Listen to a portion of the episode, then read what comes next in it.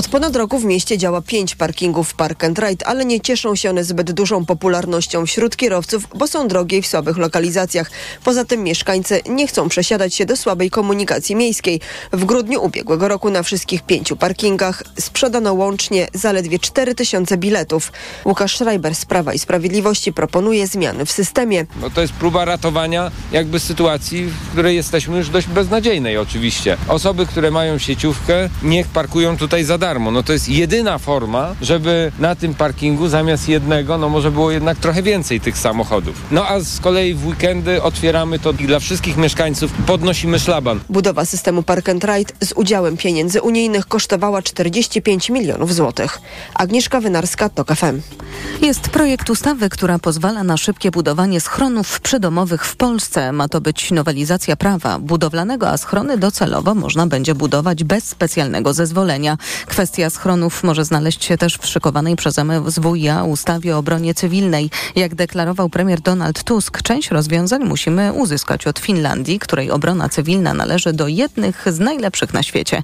Szymon Kępka. Finlandia w swoim systemie obrony cywilnej bazuje na koncepcji 72 godzin, czyli tego, by każde gospodarstwo domowe mogło przetrwać bez prądu, zakupów i dostaw co najmniej trzy doby. Są też schrony, mówi dr Damian Szacawa z Instytutu Europy Środkowej. Finlandia ma ponad 50,5 tysiąca schronów obrony cywilnej, w których może pomieścić 4 miliony 800 tysięcy osób. Polska na rozwiązaniach fińskich ma jedynie bazować, ale jak dodaje ekspert, obrona cywilna w Finlandii bazuje też na zaufaniu do władz. I nie jest też tak, że rozwiązania fińskie, które są możliwe w państwie, w którym istnieje tak duże zaufanie do tego, co mówią instytucje rządowe, co komunikują media publiczne, że te rozwiązania będziemy mogli przenieść w 100%, no chociażby do Polski. Projekt nowelizacji prawa budowlanego, także w sprawie budowy schronów bez zezwolenia, ma być gotowy w połowie roku. Szymon Kępka, TOK FM. Kolejne informacje w TOK FM o 15.20.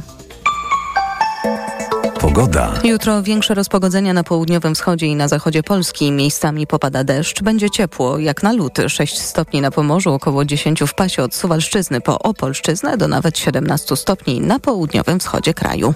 Radio TOK FM. Pierwsze radio informacyjne. Światopodgląd. Agnieszka Lichnerowicz. Serdecznie zapraszamy Państwa na światopodgląd, który zaczniemy i zastanawiałam się, jak wprowadzić ten temat, czy dzisiejsze głosowanie w Parlamencie Europejskim.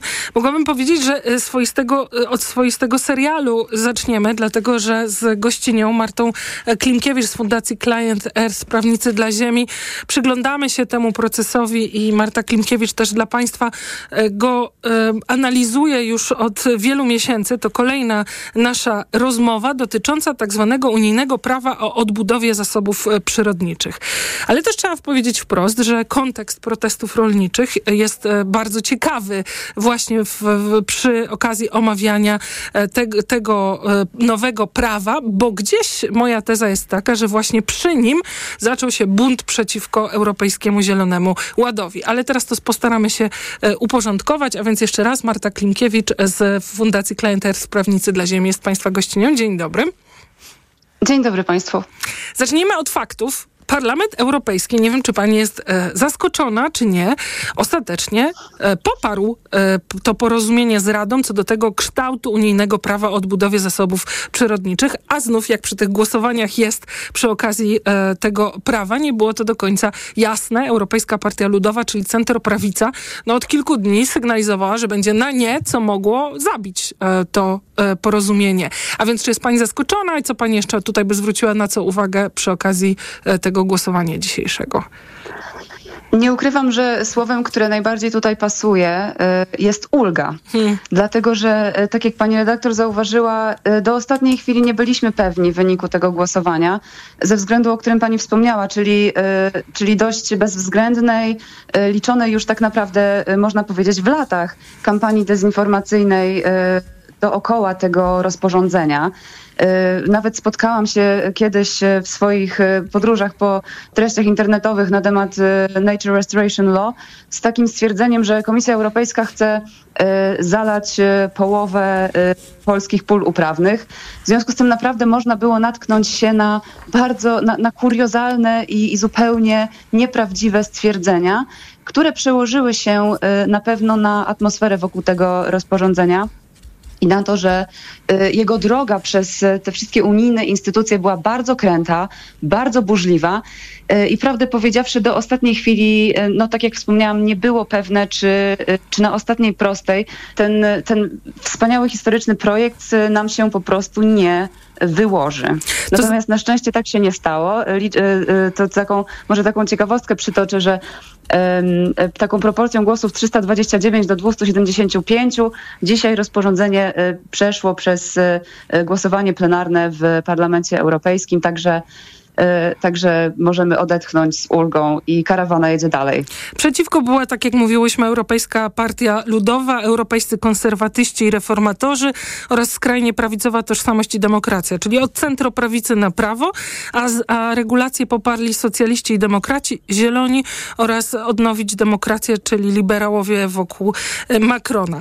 E, pani mówi wspaniały projekt, to powiedzmy jeszcze raz, żeby wybrzmiało, co stoi za tymi regulacjami, regulacjami, które mają być wprowadzane sukcesywnie, mają cele na rok 30 i 50. 40, 30, 40 i 50. O.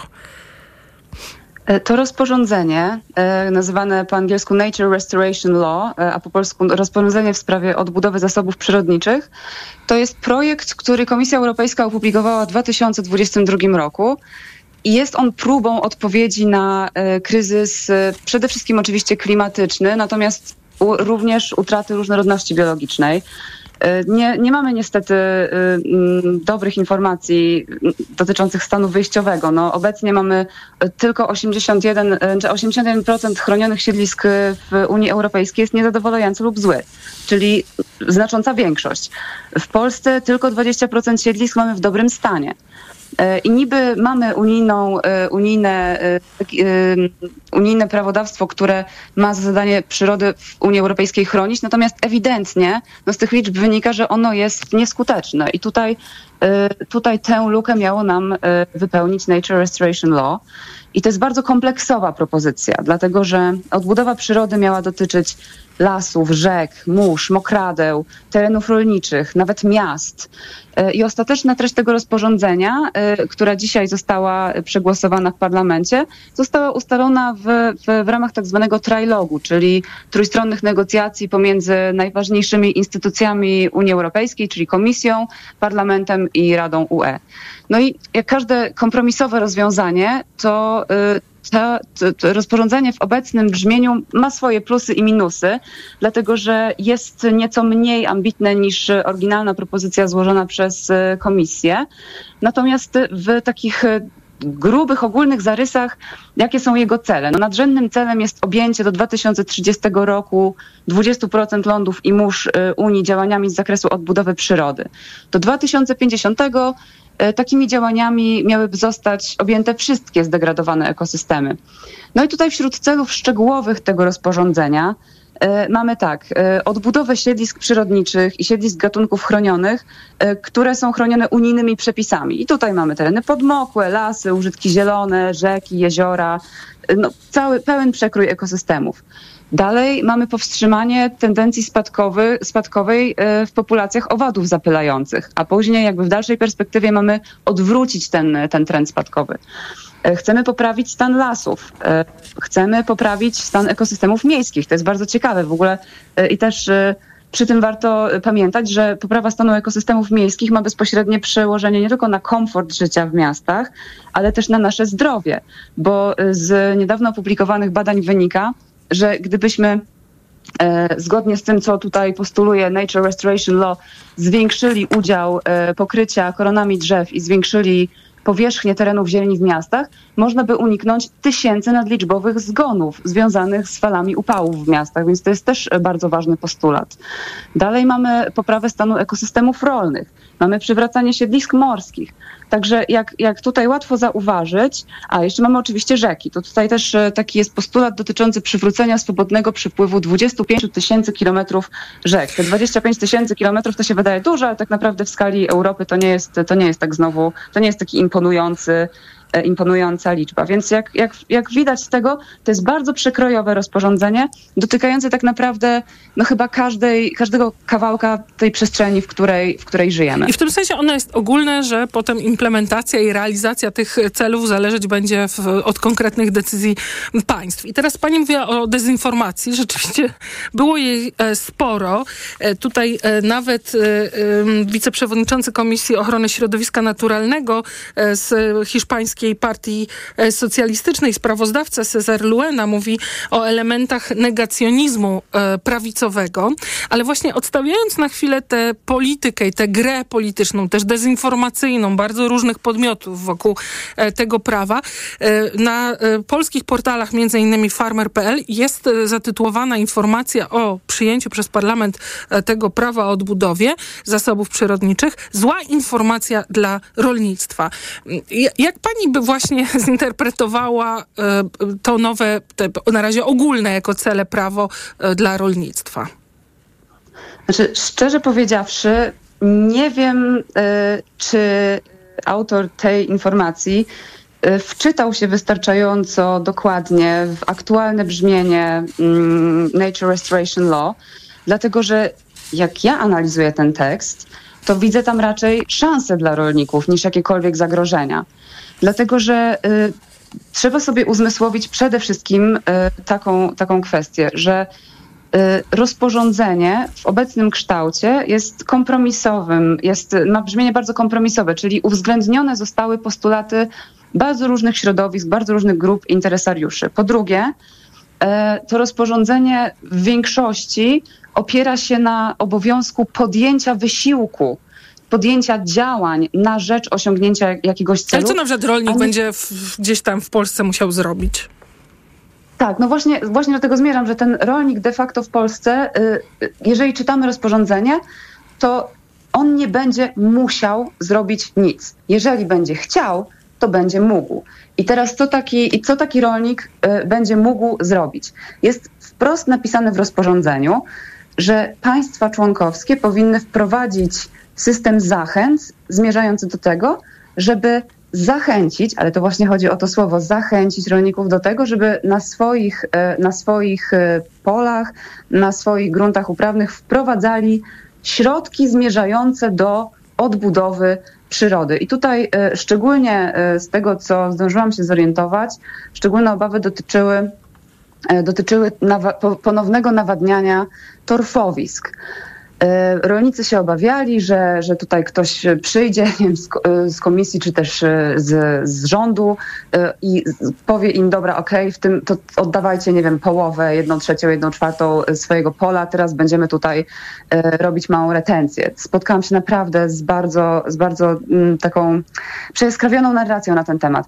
W rzeczywistości to rozporządzenie daje rolnikom szansę na to, żeby jeżeli na swoim polu mają takie odwodnione torfowisko, to żeby przy wsparciu y, funduszy, które na ten cel przeznaczy państw, dane państwo, żeby mogli na swoim terenie wprowadzać y, działania z zakresu renaturyzacji tego torfowiska, czyli jego ponownego nawodnienia. Więc to jest wszystko dobrowolne, i to tak naprawdę należy rozpatrywać w kontekście bardziej y, szansy czy możliwości niż zagrożenia. To jest w ogóle ważne, będziemy do tego wracać, y, tak? Czyli myślenie właśnie o tych zmianach wyłącznie jako zagrożeniu. Pewnie to jest opowieść o y, bardzo niskim zaufaniu, obawie i frustracji. Dziś jeszcze wrócimy po 15.40 do kwestii zielone, transformacje versus rolnictwo, a za tę rozmowę o przyjętym dziś, czy po, po, po zatwierdzonym przez Parlament Europejskim E,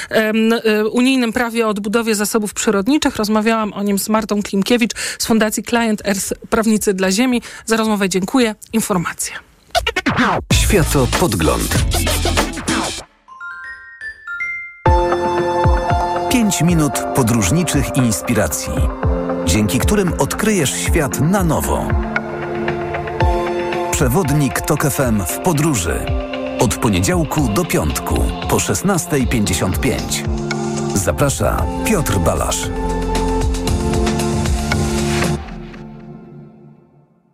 Sponsorem programu jest TravelPlanet.pl, portal turystyczny i sieć salonów. TravelPlanet.pl. Wszystkie biura podróży mają jeden adres. Reklama. Na odporność od dawna stosowałem witaminę C w dawce 1000 mg, a teraz zmieniłem swój produkt na Rutina C Max C1000. Nie zmieniłem dawki witaminy C, ale wzmocniłem orutozyt i uznane składniki wspomagające odporność. Suplementy diety Rutina C Max C1000 w jednej tabletce zawiera aż 1000 mg witaminy C, a do tego rutozyt i sprawdzone substancje wspierające odporność, cynk, selen i witaminę D3. Rutina C Max C1000 to połączenie dwóch świetnych sposobów na odporność. Rutina C Max C1000. Odporność na potęgę. Aflofarm. Nazywał się Tadeusz Bukowy. W wieku 16 lat, w maju 1945 roku, został aresztowany, skazany przez Sowietów na pobyt w kolonii karnej, a następnie pracę w łagrach. Wrócił do Polski po ponad 10 latach. Jego historię znamy. Czy poznamy kolejne, zależy od ciebie. Przekaż 1,5% podatku Fundacji Ośrodka Karta i uratuj historię, aby nie zniknęła wraz z człowiekiem. KRS znajdziesz na stronie karta.org.pl.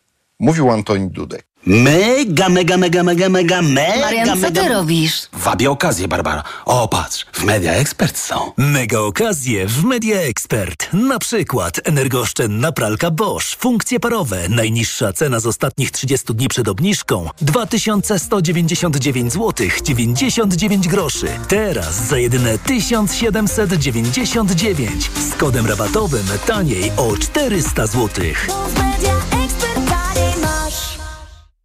Dlaczego wybieramy Vitotal dla kobiet?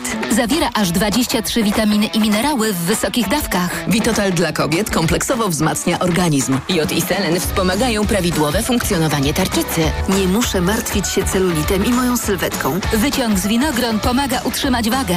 Vitotal dla kobiet zawiera też wyciąg ze skrzypu polnego, który sprawia, że moje włosy są piękne, a paznokcie zdrowe.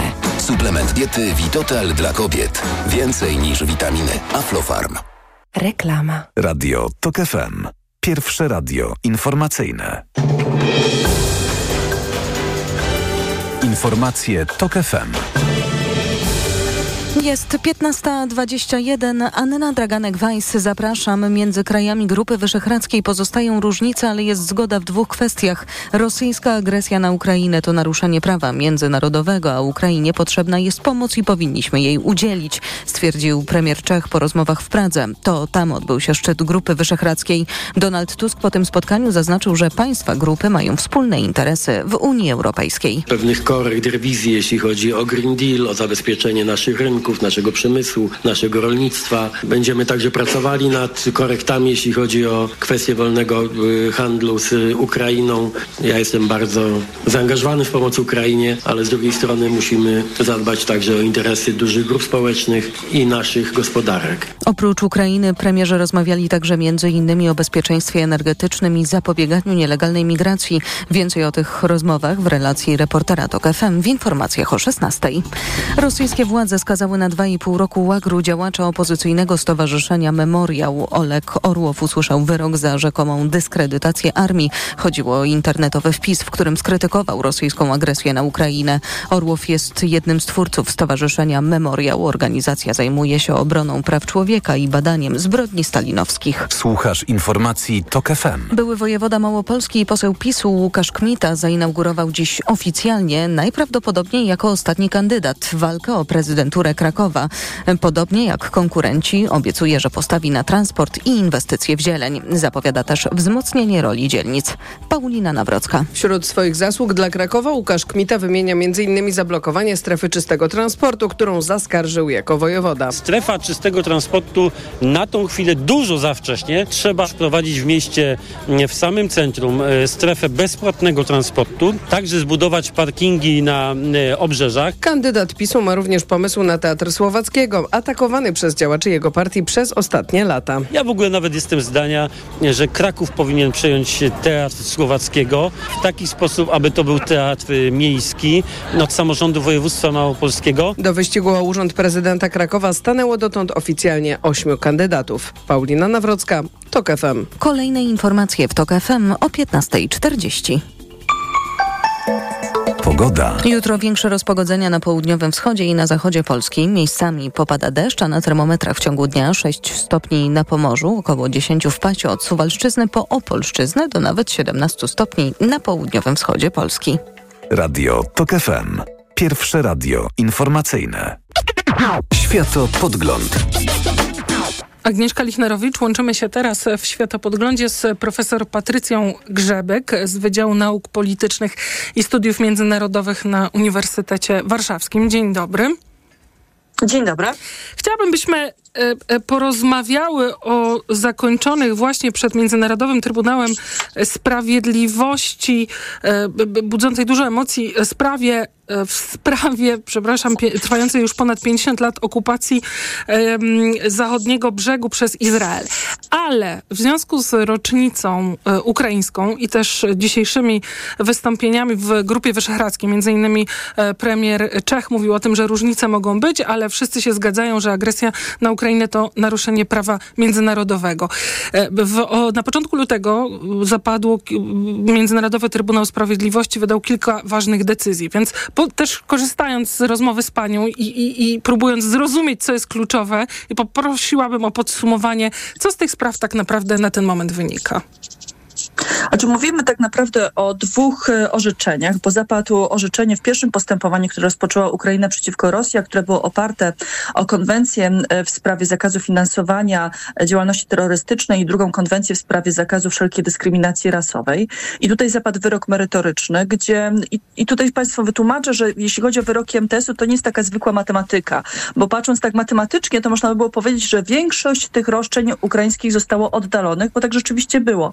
Natomiast my musimy sobie zdawać sprawę, że Ukraina nie może oskarżyć e, Rosję o to, o co by chciała, czyli o użycie siły zbrojnej i o większość zbrodni, które popełnia, tylko musi szukać jakiejś takiej podstawy jurysdykcyjnej.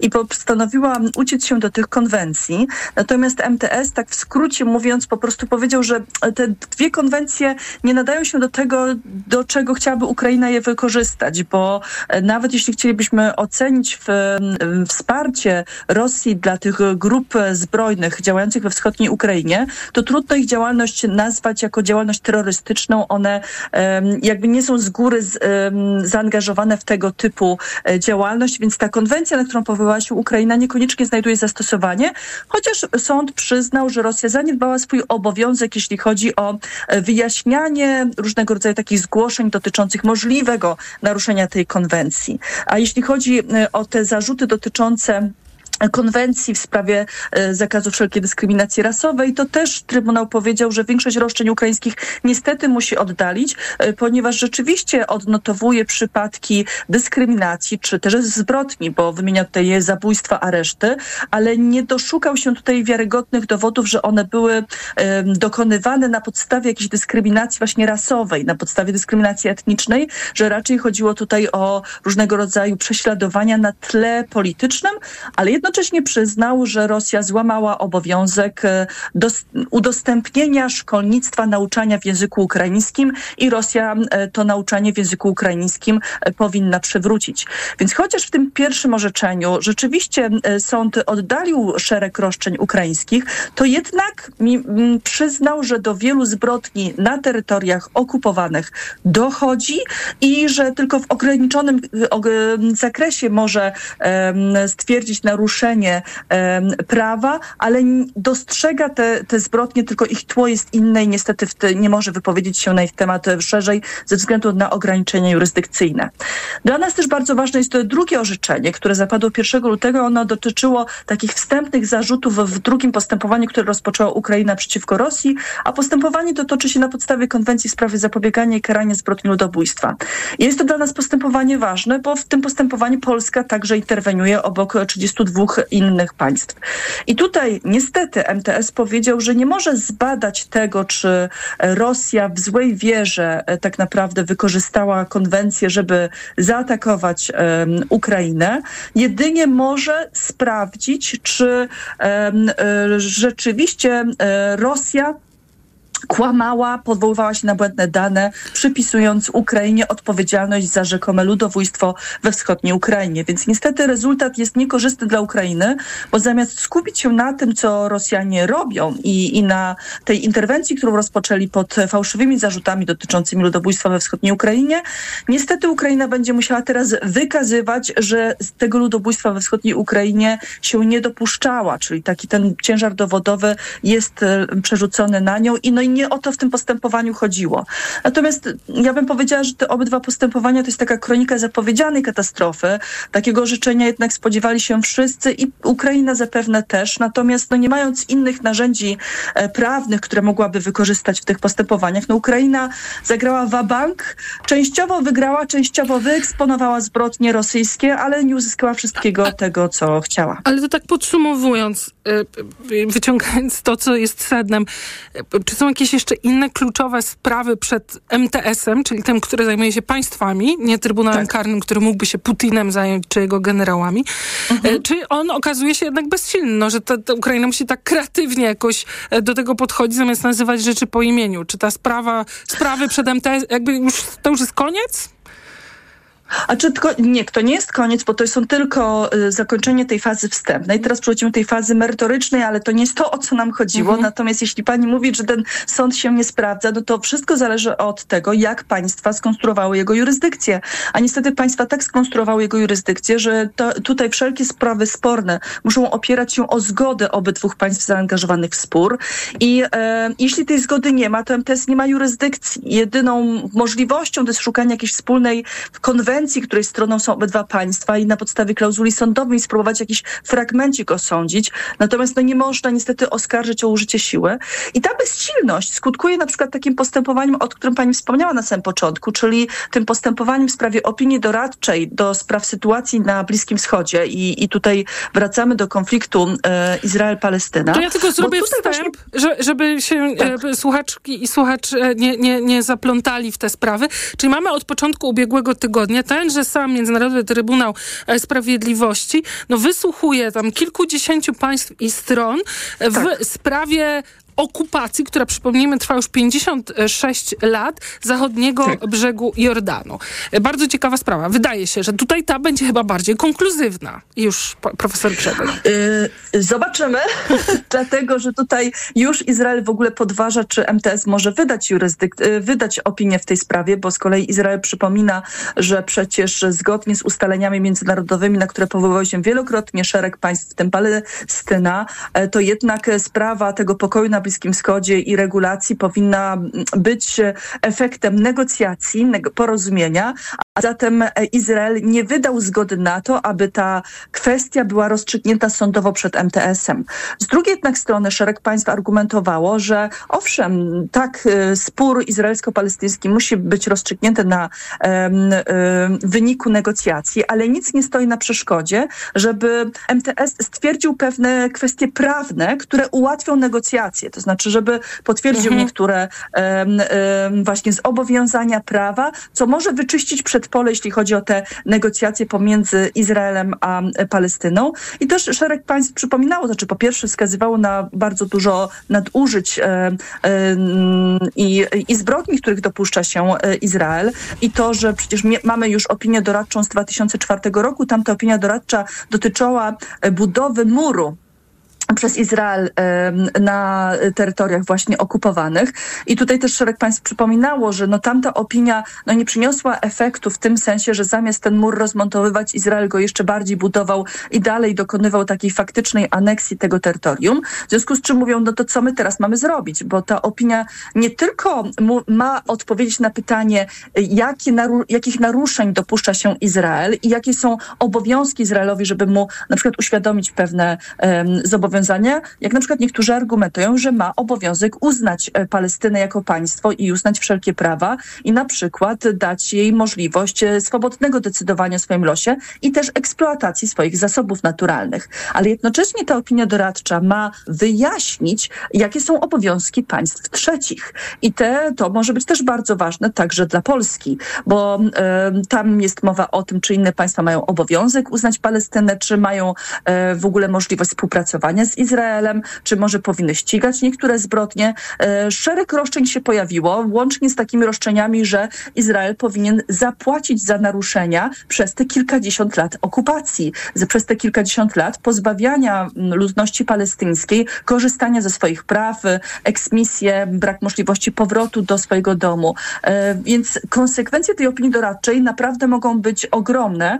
Jest oczywiście tutaj duży ładunek takich politycznych emocji, bo Na pamiętajmy, TikToku że ludzie oglądają. Przepraszam, że tak wtrącę, ale wydaje mi się, że warto to podkreślić, że to budzi, biorąc pod uwagę, że oczywiście trwa e, ta eskalacja, e, prawie 30 tysięcy ludzi e, zabitych w gazie, to widzę, że b- fragmenty tych różnych wystąpień no, hulają po, po mediach społecznościowych. Bo tam są bardzo mocne stwierdzenia. To znaczy, my mało na przykład mówimy w mediach o tym, że Izrael kontrolując e, granice i kontrolując e, wody morskie Palestyny, de facto też kontroluje część zasobów e, e, naturalnych e, Palestyny, że pozbawia, e, tam padły takie stwierdzenia, że tak naprawdę ta polityka Izraela e, spowodowała, że mamy taki bantustan, że to państwo nie może normalnie funkcjonować i że pokazywano też, przywoływano stwierdzenia różnego rodzaju e, oficjeli izraelskich, a także mapy, które pokazywał Tak. oficjalnie Izrael na Forum Narodów Zjednoczonych,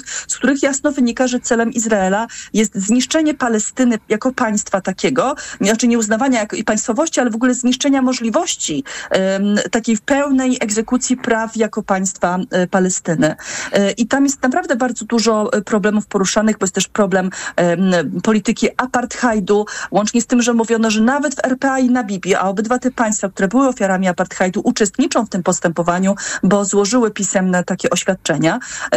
Na przykład mówią, że Izrael idzie nawet dalej, bo jeżeli mamy nawet osobne drogi dla Izraelczyków i Palestyńczyków. E, i osob, jakby nawet możliwość poruszania się jest ograniczona dla Palestyńczyków, to tu się podkreśla, tego nawet nie było w RPA za tej takiej najbardziej zawziętej polityki apartheidu. E, Tam właśnie pokazuje się, jak te lata e, odmowy uznania prawa do samostanowienia, jak zaowocowały tym, że e, są kolejne pokolenia, które nie mogą korzystać ze swoich podstawowych praw i, i tam były też takie, no bardzo takie mocne, emocjonalne em, przy, przywołania poetów też palestyńskich, w tym poety palestyńskiego, który został zabity w tym ostatniej odsłonie konfliktu w Gazie. Jak niektóre media twierdzą, został zabity celowo. A to są takie cytaty, czy w ogóle mamy wierzyć, że jest życie po śmierci, ale czy jest jeszcze jakieś życie przed śmiercią. Mm. I, I tego typu mocnych stwierdzeń padało bardzo dużo, więc ja się nie dziwię, że w mediach społecznościowych te fragmenty się pojawiają, bo, bo rzeczywiście em, one budzą sumienie nie tylko Izraela, ale mają obudzić sumienie też państw trzecich, które jeszcze wspierają Izrael. Musimy kończyć, ale podsumowując, to jest niewiążąca będzie opinia Międzynarodowego Trybunału Sprawiedliwości, ale może mieć konsekwencje dla przebiegu Ja rozmów. bym nie powiedziała, że nie wiążące, ponieważ ta opinia, y, ona będzie miała legalne znaczenie i w pewnym sensie wiąże organy y, ONZ-u, a przecież to właśnie do tych organów ONZ-u my się odwołujemy, jeśli chodzi o Zgromadzenie Ogólne czy Radę Bezpieczeństwa, więc ta, ten niewierzący charakter opinii doradczych to nie do końca oddaje rzeczywiście charakter opinii, bo one no, nie wiążą państwa jako takiego, ale są wytyczną i to, te, to słowo wytyczna, ten taki przewodnik e, dla państw i dla ONZ-u wielokrotnie był przywoływany w, w, tym Bo ja rozumiem, że potem już y, na przykład Stany Zjednoczone będą się musiały zastanowić, czy mogą na przykład dostarczać broń albo coś takiego. Tak, i już wiemy, że na przykład Holandia zrezygnowała z dostaw niektórych części Tak. uzbrojenia, biorąc pod uwagę także toczące się postępowania pomiędzy RPA przeciwko A Izraelowi. kiedy będzie? A to postęp... To orzeczenie, przepraszam, E, ta opinia. Mhm. e, znaczy, ja myślę, że jest szansa na to, że, to, że ta opinia zostanie wydana jeszcze w tym roku, bo opinie doradcze zazwyczaj dosyć szybko są wydawane. A pamiętajmy też, że ta opinia doradcza jest ważna właśnie też dla tego drugiego postępowania pomiędzy RPA a Izrael, ale też jest ważna dla nas w kontekście ukraińskim. O, to, No, bo- będzie ciąg dalszy. Dziękuję pani profesor bardzo za rozmowę. Profesor Patrycja Grzebyk z Uniwersytetu Warszawskiego była państwa gościnią. Informacja. Światopodgląd. Reklama. RTV Euro AGD. Sensacja! Trwa Euro Super Days, a w nich tylko do czwartku super rabaty na produkty objęte promocją. 65 tali LG NanoCell. Najniższa teraz ostatnich 30 dni przed obniżką to 3179. Teraz za 2999 zł. A dodatkowo 50 zł za każde wydane 500. Zyskaj kod rabatowy na kolejne zakupy. Promocja do 5 marca. Regulamin w sklepach i na euro.com.pl. Od wielkiej pasji Ja w dzieciństwie cały czas myślałem o tej piłce. do wielkiego człowieka. Zawsze stawałem za drużyną. Nieznana dotąd historia Kuby Błaszczykowskiego. Oglądaj nowy film Kuba na Prime Video. Jako dietetyk na wątrobę zawsze polecam Proliver, ponieważ zawiera składniki wspierające właściwą pracę wątroby. Często ze względu na dietę, wiek czy masę ciała zwracam uwagę na poziom cukru we krwi. Wtedy proponuję nowość Proliver Diabeto. Suplement diety Proliver Diabeto dba o wątrobę, a dodatkowo zawiera wysoką dawkę morwy białej, która przyczynia się do utrzymania prawidłowego poziomu cukru. Stosując Proliver Diabeto osiągamy obie te ważne korzyści. Proliver Diabeto, zdrowa wątroba i prawidłowy poziom cukru. Aflofarm. Wyciąg z liści garczocha wspiera utrzymanie zdrowej wątroby. Zgarnij nawet 90 zł w Ebonie na zakupy w Auchan. Tylko 29 lutego za każde 150 zł wydane w hipermarketach i wybranych supermarketach Auchan otrzymasz 30 zł w Ebonie na kolejne zakupy. Regulamin na auchan.pl Nowe książki, magazyn do czytania już w sprzedaży, a w nim pięć książek Jamesa Baldwina, które warto znać, wywiad z noblistką Annie Ernaux oraz kryminały na wczesną wiosnę. Książki, magazyn do czytania już w sprzedaży. Rodzinny posiłek to przyjemność. Dlatego kiedy starsza osoba ma problemy z apetytem, podaj jej Appetizer Senior. To suplement diety, który zawiera wyciąg z owocu kopru wspomagający apetyt i wspierający trawienie. Appetizer Senior. Aflofarm. Są takie magazyny, w których można znaleźć wszystko i zarobić albo stracić wszystko. 5 tysięcy złotych polskich. 7. Ja daję 11. Oglądaj Zakup w ciemno od poniedziałku do czwartku o 20 w TTV. Mega okazje w Media Expert. Smartfony, laptopy, telewizory, odkurzacze, ekspresy do kawy, pralki i suszarki, lodówki i zmywarki w super niskich cenach. W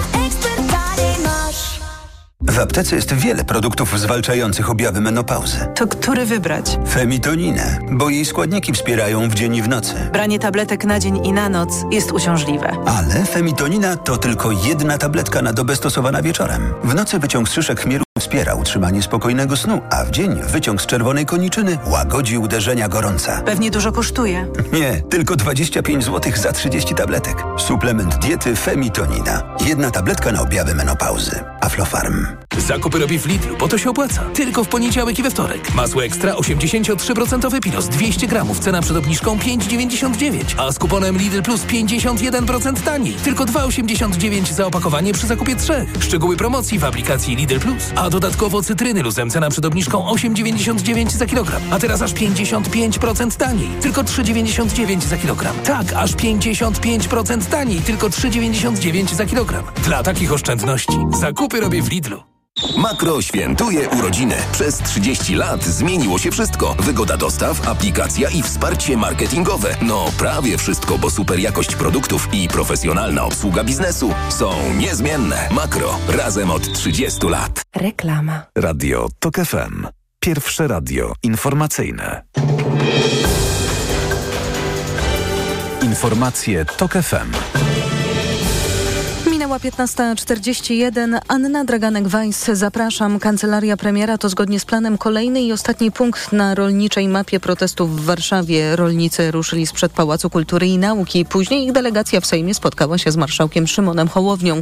Rolnicy domagają się odejścia od unijnego Zielonego Ładu, a także rozwiązania problemu napływu ukraińskich produktów rolnych, które ich zdaniem zaburzają sytuację na rynku. Widzę, że jesteście jednak troszkę młodsi niż większość uczestników. Zostajecie na gospodarce? No, jeśli będą warunki, żeby zostać, nie, to byśmy chcieli zostać, kontynuować, nie, bo jednak od dziadków pracuje się na to. Jesteście tu, bo? No nie zgadzamy się z unijnym ładem. Jesteśmy przeciwko temu, bo chcą nas zniszczyć. Z protestującymi rozmawiał reporter TOK FM Tomasz Fęska, ale rolnicy protestują dziś także w centrum Szczecina. Przed gmach Urzędu Wojewódzkiego na Wałach Chrobrego przyjechało kilkadziesiąt ciągników. Protestujący spotkali się z wojewodą zachodniopomorskim. W ostatnich godzinach zaostrzyli swój protest na trasie S3 prowadzącej ze Szczecina do Gorzowa Wielkopolskiego, Zielonej Góry i Wrocławia. W Węzeł Myślibórz od wczorajszego popołudnia został zablokowany na stałe. Do tej pory blokady trwały zaledwie kilka godzin dziennie. Droga jest zamknięta w obu kierunkach, a zablokowana jest także trasa S11 na węźle Koszalin-Zachód. Polska zdecydowanie potępia skazanie aktywisty na rzecz praw człowieka Olega Orłowa na 2,5 roku pozbawienia wolności. Tak brzmi oświadczenie polskiego MSZ-u. Resort podkreślił w nim, że proces Orłowa jest kolejnym przykładem parodii sprawiedliwości i pogardy dla podstawowych praw człowieka. Orłow usłyszał wyrok za rzekomą dyskredytację armii. Chodziło o internetowy wpis, w którym skrytykował rosyjską agresję na Ukrainę. Jest jednym z twórców Stowarzyszenia Memoriał. Organizacja zajmuje się obroną praw człowieka i badaniem zbrodni stalinowskich. Słuchasz informacji TOK FM. Już dziś poznamy pierwszych półfinalistów piłkarskiego Pucharu Polski. Najpierw Piast Gliwice zmierzy się z Rakowem Częstochowa, a wieczorem czeka nas hit w Poznaniu. W najciekawszej parze ćwierćfinałowej Lech Poznań zmierzy się z Pogonią Szczecin. Michał Waszkiewicz. Oba zespoły świetnie zaczęły rundę wiosenną. Lech w trzech meczach zdobył 7 punktów, a Pogoń jako jedyna w Ekstraklasie rozpoczęła rok od trzech kolejnych wygranych meczów. Za Lechem przemawia oczywiście atut własnego boiska i rządza rewanżu. W tym sezonie Ekstraklasy obie ekipy spotkały się raz w Szczecinie i wówczas Pogoń zdeklasowała kolejorza wygrywając aż 5 do 0. Teraz sportowcy też szaleją w ofensywie. Rundę rozpoczęli wprawdzie od skromnej i szczęśliwej wygranej we Wrocławiu ze Śląskiem 1 do 0, ale potem ograli Radomiaka 4-0 i ŁKS 4 do 2. Szykuje się zatem ciekawe starcie. Z kolei jutro lider Ekstraklasy Jagiellonia Białystok podejmie walczącą o utrzymanie Koronę Kielce, a dobrze grający ostatnio Widzew Łódź zmierzy się z jedynym pierwszoligowcem w stawce ośmiu drużyn Wisłą Kraków. Michał Waszkiewicz, TOK FM. Mecz w Gliwicach dziś o 17.30, a w Poznaniu o 20.30. Kolejne informacje w TOK FM już o 16.00.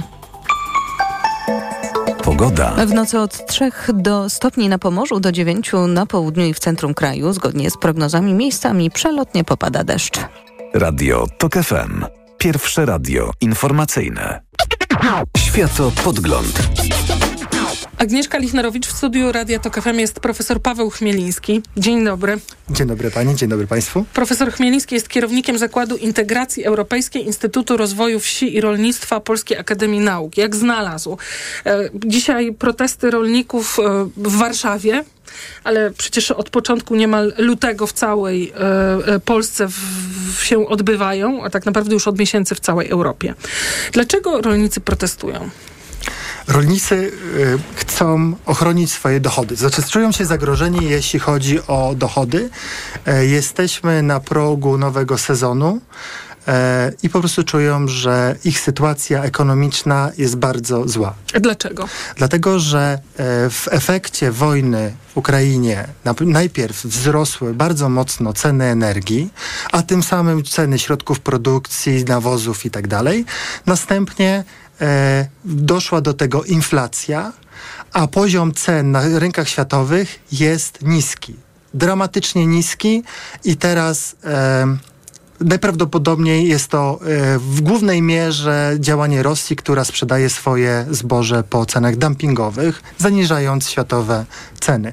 A w Unii Europejskiej i w Polsce jesteśmy od tych cen zależni. To znaczy, że nie mamy wpływu na kształtowanie e, cen, dlatego że rynek jest wolny. To jest globalizacja.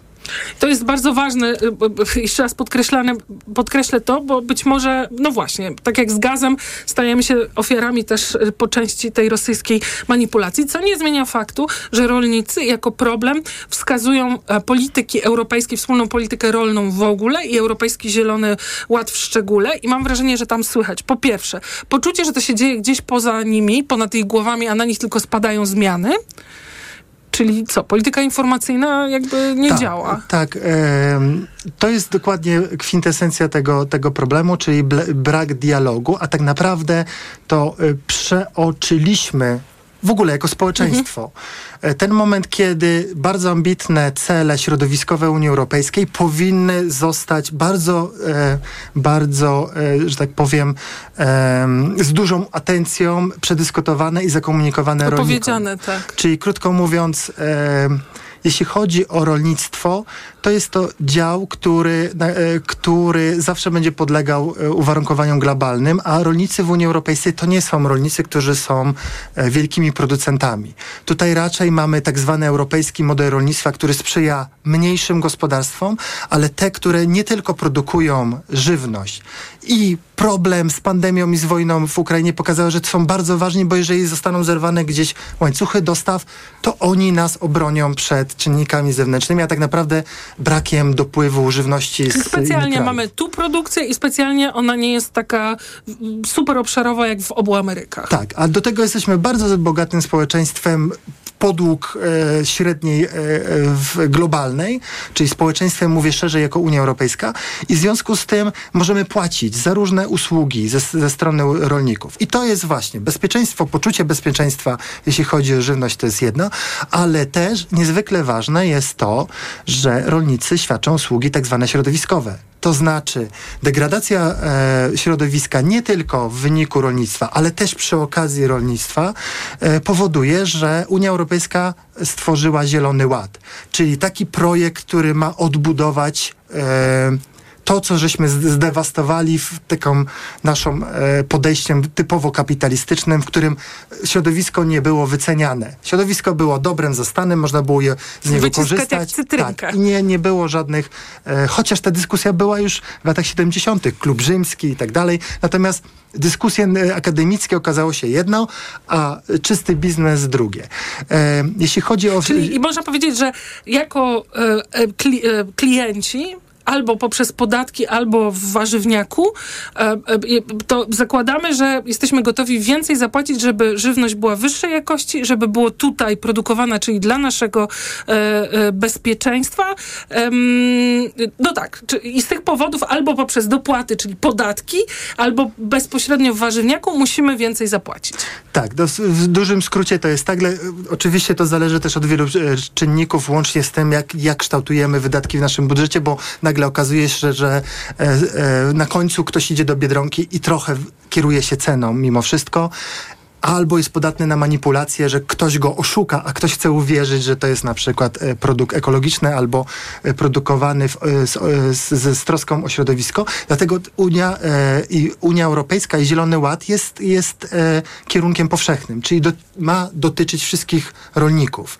I zasada jest jedna. Kompensujemy wydatki rolników, czyli zwiększone wydatki na zmianę technologii produkcji, właśnie żeby oni, ich dochody były na takim poziomie, żeby oni chcieli produkować żywność. Czyli tu zawsze będzie napięcie i zawsze będą negocjacje, jak, jaki powinien być mechanizm tego wsparcia, jak duży i czy on jest wystarczający. Rolnicy będą mówić, że niewystarczający, e, a my może będziemy się denerwować, że fryzjer nie ma dopłat. Znaczy chodzi mi o to, że to jest wpisane w system. Tak, tylko e, oczywiście rolnictwo jest bardzo specyficznym działem produkcji, dlatego że bazuje na, na po pierwsze na zasobach naturalnych, to jest jakby i opiekuje się nimi i rolnicy wiedzą jak to robić. I to nie jest wina rolników, że um, jakby mają wielkie pretensje do, do twórców Zielonego Ładu, dlatego że ktoś wprowadza szereg e, e, wytycznych, które trochę uderzają w ich poczucie sprawczości. To znaczy to oni są kierownikami, to oni się starają dokształcać lepiej i gorzej. Może to właśnie ten system powinien być po,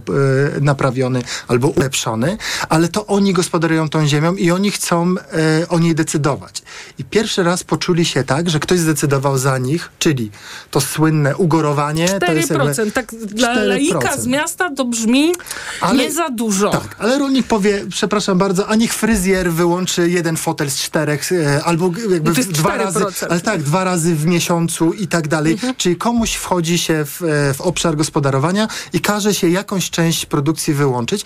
I no, nagle się okazuje, gdy powstał ten problem, że można było to zrekompensować inaczej, chociażby e, obsadzanie poplonami, czyli jakąś formą, która też będzie wzbogacała, bo tu chodzi o wzbogacanie e, gleby, przywracanie bioróżnorodności, a tak naprawdę chodzi o to, żeby rolnicy eksploatowali swoją ziemię z takim dobrym wyczuciem. Czyli tutaj jest jakaś przestrzeń, rozumiem, sugeruje pan, była, jest dalej na jakiś dogadanie się, kompromis, może inną regulację, ale coś, co, jakiś mechanizm, który jednak będzie pozwalał trochę te zasoby odbudowywać ziemię, glebę lepiej um, i rolnicy na coś by byli, znaczy, że kwestia była znowu implementacji. Proszę zauważyć, że um, jeden z, z, dwóch głównych postulatów, jeden to jest mhm. Ukraina, a drugi to jest, e, jeśli chodzi o Zielony Ład, to nie jest, że e, rolnicy są przeciwko Zielonemu Ładowi, oni są przeciwko tym regulacjom, natomiast są za biologizacją i to jest naprawdę na sztandarach rolników. Oni rozumieją, dlatego, że proszę sobie wyobrazić, e, jest dużo skutków e, zmian klimatycznych, których pierwszymi beneficjentami są rolnicy.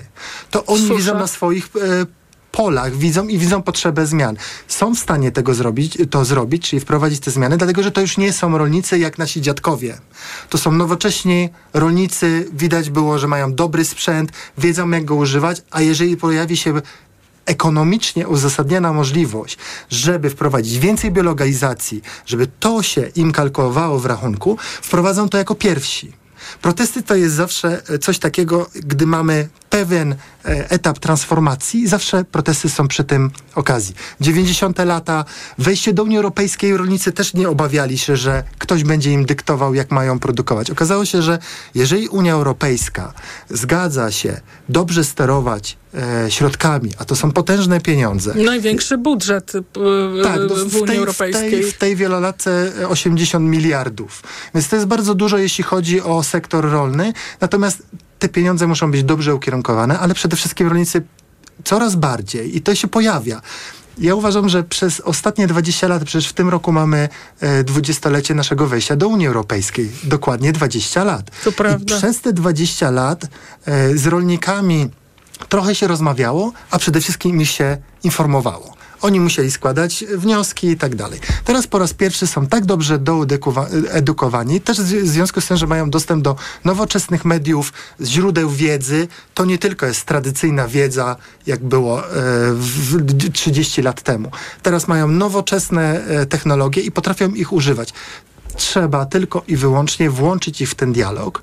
I tak naprawdę to e, mi się wydaje, że doszliśmy do tego punktu, kiedy raz jest eskalacja e, e, problemów, dlatego że rolnicy potrzebują rozwiązać natychmiast. Na ten sezon. Na ten sezon natychmiast już teraz, bo to są rzeczy, które oni Ale widzą. rozwiązać to, to czy w sensie jakimś wsparciem finansowym, tak? No tak, mieliśmy wsparcie finansowe, gdy były e, zapełnione magazyny przed ostatnim sezonem e, zbiorów i okazało się, że rząd wyegzekwował dużą kwotę, żeby to wykupić i wyeksportować. Problem się rozwiązał, natomiast to było gaszenie pożaru, a nie rozwiązanie systemo, systemowe problemu. A są pomysły, tak nie, nie musimy ich teraz omawiać, bo to, ale są jakieś pomysły na rozwiązanie Znaczy, powiem systemowe? tak, no jeżeli pali, palą się bele słomy w Brukseli i jest taki nacisk i powiem naj- jedną rzecz, która jest newralgiczna tutaj.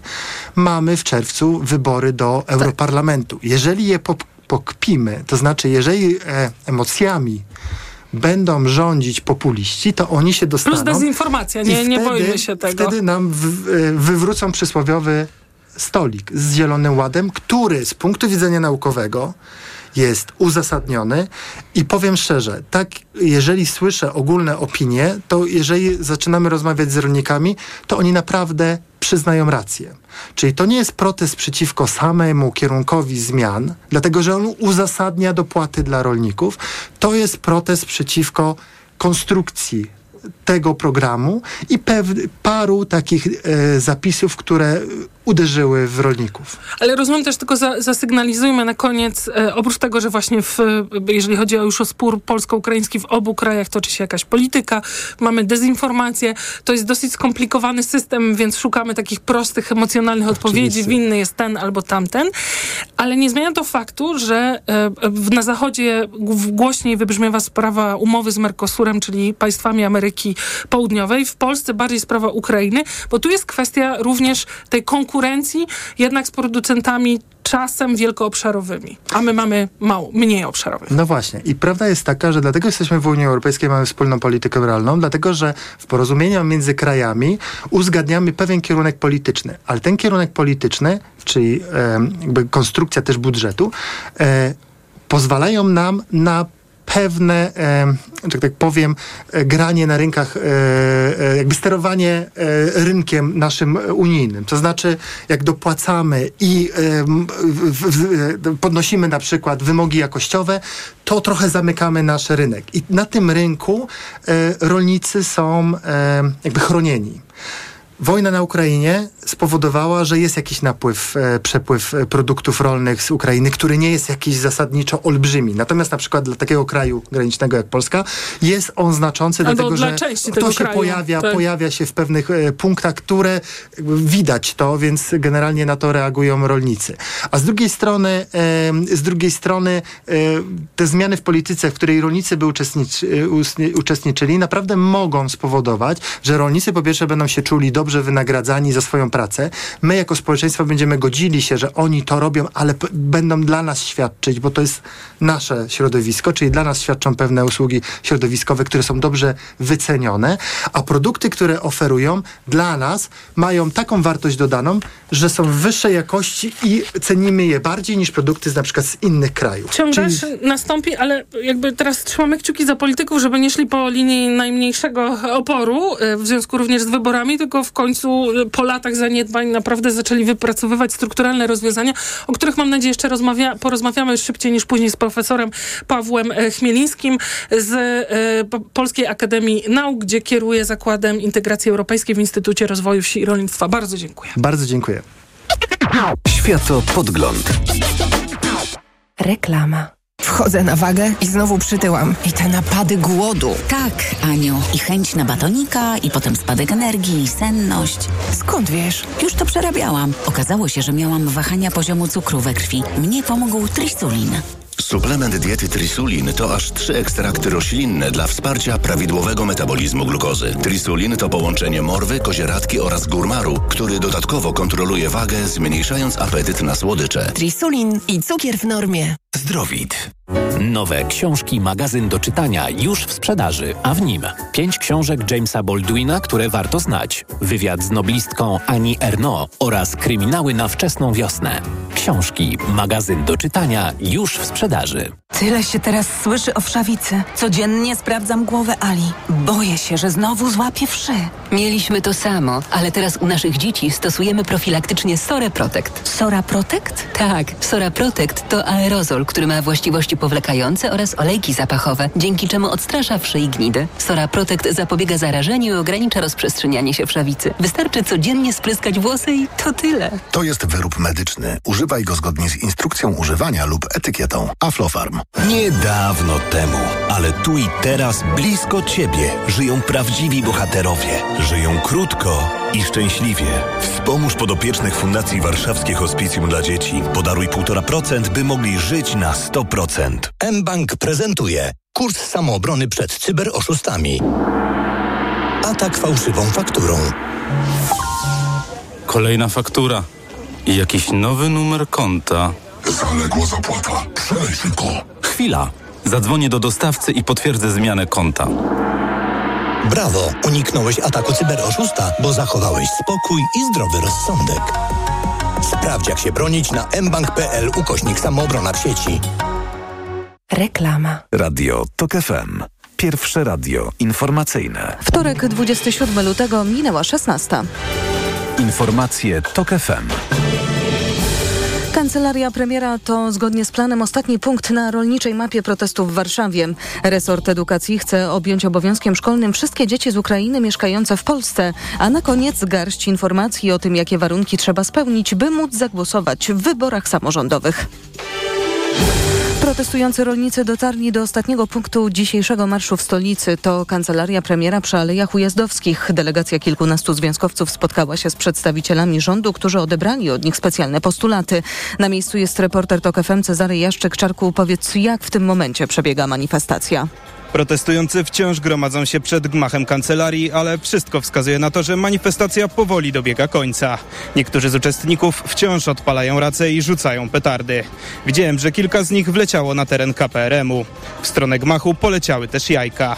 Uczestnicy są zgodni, że jeśli postulaty nie zostaną spełnione, wrócą do Warszawy. No z tego co mi wiadomo, to chyba 6 marca ma być, ma być kolejny. Tak prawdopodobnie tak, no, nie możemy odpuścić w połowie drogi. Rolnicy są zawiedzeni, że nie doszło do bezpośredniego spotkania z premierem Donaldem Tuskiem. Cezary Jaszczyk, TOK FM. To są informacje TOK FM. Kolejny świadek odpowiada na pytania Sejmowej Komisji Śledczej, która ma wyjaśnić tak zwaną aferę wizową. To wicekonsul w Mumbaiu Mateusz Reszczyk. Urzędnik przyznał, że w swojej pracy nigdy wcześniej nie spotkał się z takiego rodzaju naciskami politycznymi na pracę konsulatów i przywołał treść wiadomości od Piotra Wawrzyka, wiceszefa MSZ-u w rządzie PiSu. Posłużę się od razu bezpośrednio tekstem e, e-maila otrzymanym e, przez placówkę. Jest to e-mail pana ministra Wawrzyka. Pani dyrektor, ważna rzecz, jest, to jest ekipa filmowa, przylot na zdjęcia planują 10 grudnia, zatem sprawa jest bardzo pilna. Przekazuję dane Edgar Kobos, numer telefonu. Zdjęcia filmowe okazały się jedynie przykrywką do wyłudzenia wiz, a wspomniany Edgar Kobos zeznawał wczoraj przed komisją, że przyspieszanie wydawania wiz odbyło się za pomocą łapówek i że o tym procederze wiedziało ówczesne kierownictwo MSZ-u. Premierzy państw wchodzących w skład Grupy Wyszehradzkiej przyznali, że dzisiejsze rozmowy w Pradze były trudne, a członków tego formatu dzieli podejście do wojny w Ukrainie. Po jednej stronie sporu są Czechy i Polska, po drugiej Słowacja oraz Węgry. Więcej o tym z Pragi. Tomasz Orchowski. Gospodarz szczytu premier Petr Fiala zwracał uwagę. Cała grupa zgadza się, że rosyjska agresja to złamanie prawa międzynarodowego i Ukrainie trzeba pomagać. Ale liścimy Różnimy się jednak co do tego, jak ta pomoc ma wyglądać. Czechy i Polska udzielają pomocy o charakterze militarnym, Słowacja i Węgry nie. pomocy. Chciałbym, żebyśmy wspólnie pracowali nad tym, aby przynajmniej część spraw była w naszej wspólnej agendzie i po dzisiejszym spotkaniu jestem umiarkowanym optymistą. Dodawał premier Tusk, po którym głos zabrał Viktor Orban. Szef węgierskiego rządu przyznawał, że jego kraj nie chce mieć granicy z Rosją, choć zastrzegał. Nie wysyłamy broni Ukrainie, nie wysyłamy też żołnierzy. Jesteśmy gotowi przekazywać pomoc humanitarną, szkolić czy pomagać uchodźcom. Z kolei premier Słowacji Robert Fico przekazał, że brał udział w wielu spotkaniach grupy, na których przysypiał, ale o dzisiejszych dyskusjach powiedzieć tego nie może. Z Pragi Tomasz Urchowski, TOK FM. Od września wszystkie ukraińskie dzieci mieszkające w Polsce mają podlegać obowiązkowi szkolnemu. Taki plan ma resort edukacji.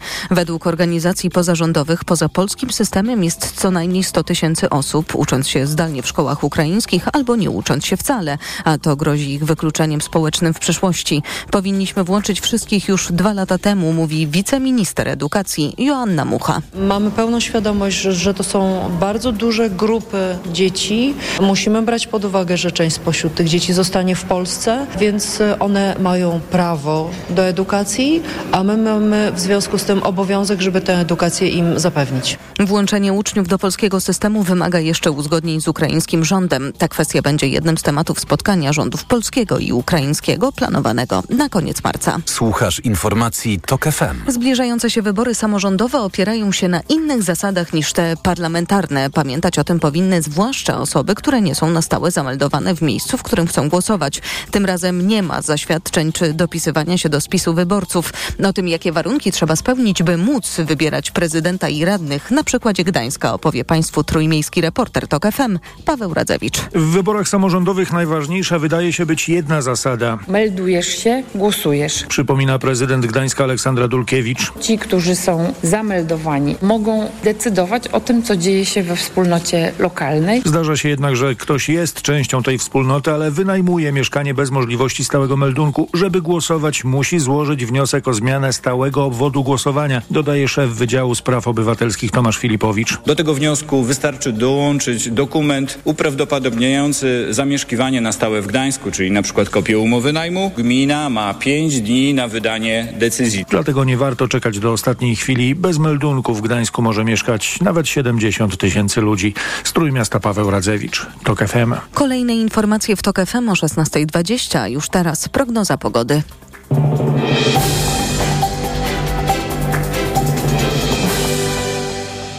Sponsorem programu jest japońska firma Daikin. Producent pomp ciepła, klimatyzatorów i oczyszczaczy powietrza. www.daikin.pl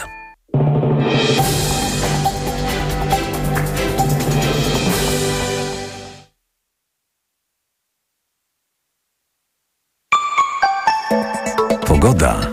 Jutro większe rozpogodzenia na południowym wschodzie i na zachodzie Polski. Miejscami popada deszcz. Na termometrach w ciągu dnia 6 stopni na Pomorzu, około 10 w pasie od Suwalszczyzny po Opolszczyznę do nawet 17 stopni na południowym wschodzie.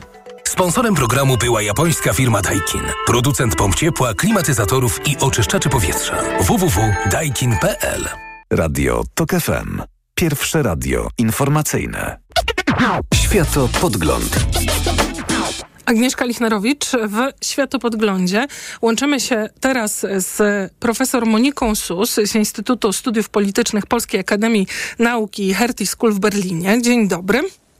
Dzień dobry. I Justyną Gotkowską, wicedyrektorką Ośrodka Studiów Wschodnich, specjalistką od bezpieczeństwa europejskiego i regionalnego. Dzień dobry. Dzień dobry. Chciałabym poprosić Panie o komentarz do wczorajszej e, głośnej czy wybuchowej niejako wypowiedzi deklaracji prezydenta Emmanuela Macrona, który gościł w Paryżu przedstawicieli państw europejskich czy e, tego układu transatlantyckiego i powiedział, że zwycięstwo, e, pokonanie Rosji w Ukrainie jest kluczowe dla europejskiego bezpieczeństwa oraz dodał, że nie ma konsensusu w sprawie wysłania e, wojsk, żołnierzy e, zachodnich do e, Ukrainy, ale nic nie powinno zostać wykluczone. Czyli zasugerował, i, i zresztą to potwierdza ją inni, że była rozmowa na ten temat. To się pojawia taki wątek pierwszy raz.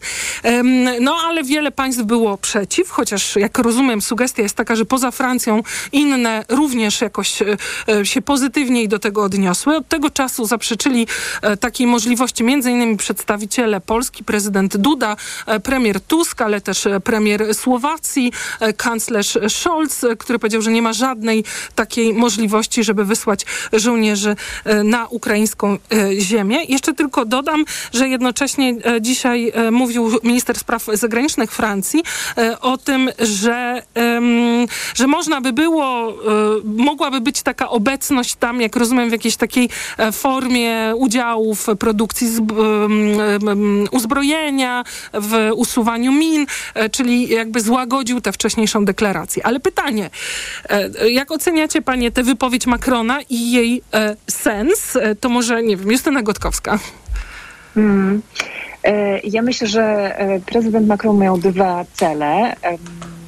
Po pierwsze, e, poprzez w ogóle e, powołanie takiej konferencji na szybko w Paryżu dotyczącej wspierania wojskowego Ukrainy w obliczu e, no, nie zaakceptowania przez kongres pakietu militarnego wsparcia dla Ukrainy, pokazuje, że Francja chce się pokazać jako aktywne państwo europejskie i taki lider Europy, jeżeli chodzi o wsparcie Ukrainy, co z drugiej strony nie ma pokrycia w rzeczywistych liczbach tego względu, że Francuzi w tym roku, jeśli nie całkowicie, Ukrainie dostarczają broń i amunicję wielkości 3 e, miliardów euro, co na takie wielkości państwo, jakim jest Francja, e, to zdecydowanie za mało. E, ale mamy do czynienia z pewnym konkursem, kto da więcej. Mamy z jednej strony prezydenta Macrona, który retorycznie popiera Ukrainę, wzywa sojuszników do większego wsparcia. Z drugiej strony mamy kanclerza Scholza, który też chce e, się kierować kreować na, na Niemcy jako, jako to największe państwo wspierające Ukrainę. E, więc e, to po pierwsze. A po drugie, wydaje mi się, że w państwach europejskich istnieje coraz większa obawa o koleje losu e, wojny na Ukrainie. W związku ze zmniejszaniem się amerykańskiego wsparcia e, i perspektywą e, jego zakończenia, jeżeli pakiet pomocowy nie zostanie za, zaakceptowany w kongresie, mamy, czy ukraińska armia będzie miała ogromne trudności w utrzymaniu obecnego frontu i to w dużej mierze zależy od, od Europy, na ile Ukraińcom się uda to zrobić. Jeżeli będziemy mieć do, do czynienia z takim czarnym scenariuszem braku amerykańskiego wsparcia i wydaje mi się, że to jest taki element komunikacji strategicznej Francji w stosunku do prezydenta e, Rosji o tym, że nie damy, musicie uważać e, i liczyć się być może z tym, że wojska europejskie aktywnie e, wejdą do, do tej wojny. Czy to faktycznie tak się zdarzy? E, trudno powiedzieć, ale jeżeli dojdzie do czarnego scenariusza, kiedy Ukraińcy będą e, przegrywać, e, będą się wycofywać, to postawi Europę naprawdę pod ścianą i takie publiczne dyskusje na nowo się pojawią. To była Justyna Gotkowska, teraz profesor Monika Sus. To samo mogła Pani jeszcze ewentualnie dopisać albo się nie zgodzić z czymś. I też rozumiem, że tu jest, właśnie nie wiem, czy tu jest taka gra pewną ambiwalencją, że sam fakt, że Macron to powiedział, jednak w rozmowach z Rosją, czy, czy w percepcji Rosji ma znaczenie, bo on niejako e, no, pokazuje siłę, czy no, wskazuje, że taki scenariusz jest możliwy. Nie, nie, nie wiem, czy jakaś taka gra strategiczna też się toczy tutaj. To może do tej gry strategicznej za chwileczkę przyjdziemy, tylko jeszcze krótkie uzupełnienie. Absolutnie zgadzając się ze wszystkim, e, na co zwróciła uwagę Justyna. Ja tylko może jeszcze dopowiem, że moim zdaniem tutaj to wystąpienie Macrona i cała ta jego inicjatywa, e, ona nie tylko oczywiście jest ukierunkowana, przede wszystkim jest ukierunkowana na to, żeby e, komunikować siłę wobec Putina, ale także tutaj Justyna krótko o tym wspomniała, to jest absolutnie również rozgrywka sił na arenie Unii Europejskiej i w ramach tutaj europejskich sojuszników NATO. Jak najbardziej wydaje mi się, że Francja, która jednak zrobiła zwrot, przynajmniej jeżeli chodzi o postawę lidera Francji, czyli prezydenta Macrona, bo społeczeństwo francuskie jest jakby osobnym tematem, ale prezydent Macron faktycznie zrobił absolutny zwrot, jeżeli chodzi o jego wsparcie zarówno wobec członkostwa Ukrainy w NATO i w Unii Europejskiej. E, Więc tutaj absolutnie jest to pewnego rodzaju kontynuacja tej polityki kreowania się przez Francję na tak naprawdę sojusznika krajów wschodniej flanki, jeżeli chodzi o pewnego rodzaju priorytety, jak właśnie członkostwo Ukrainy w Unii Europejskiej, a zwłaszcza w NATO.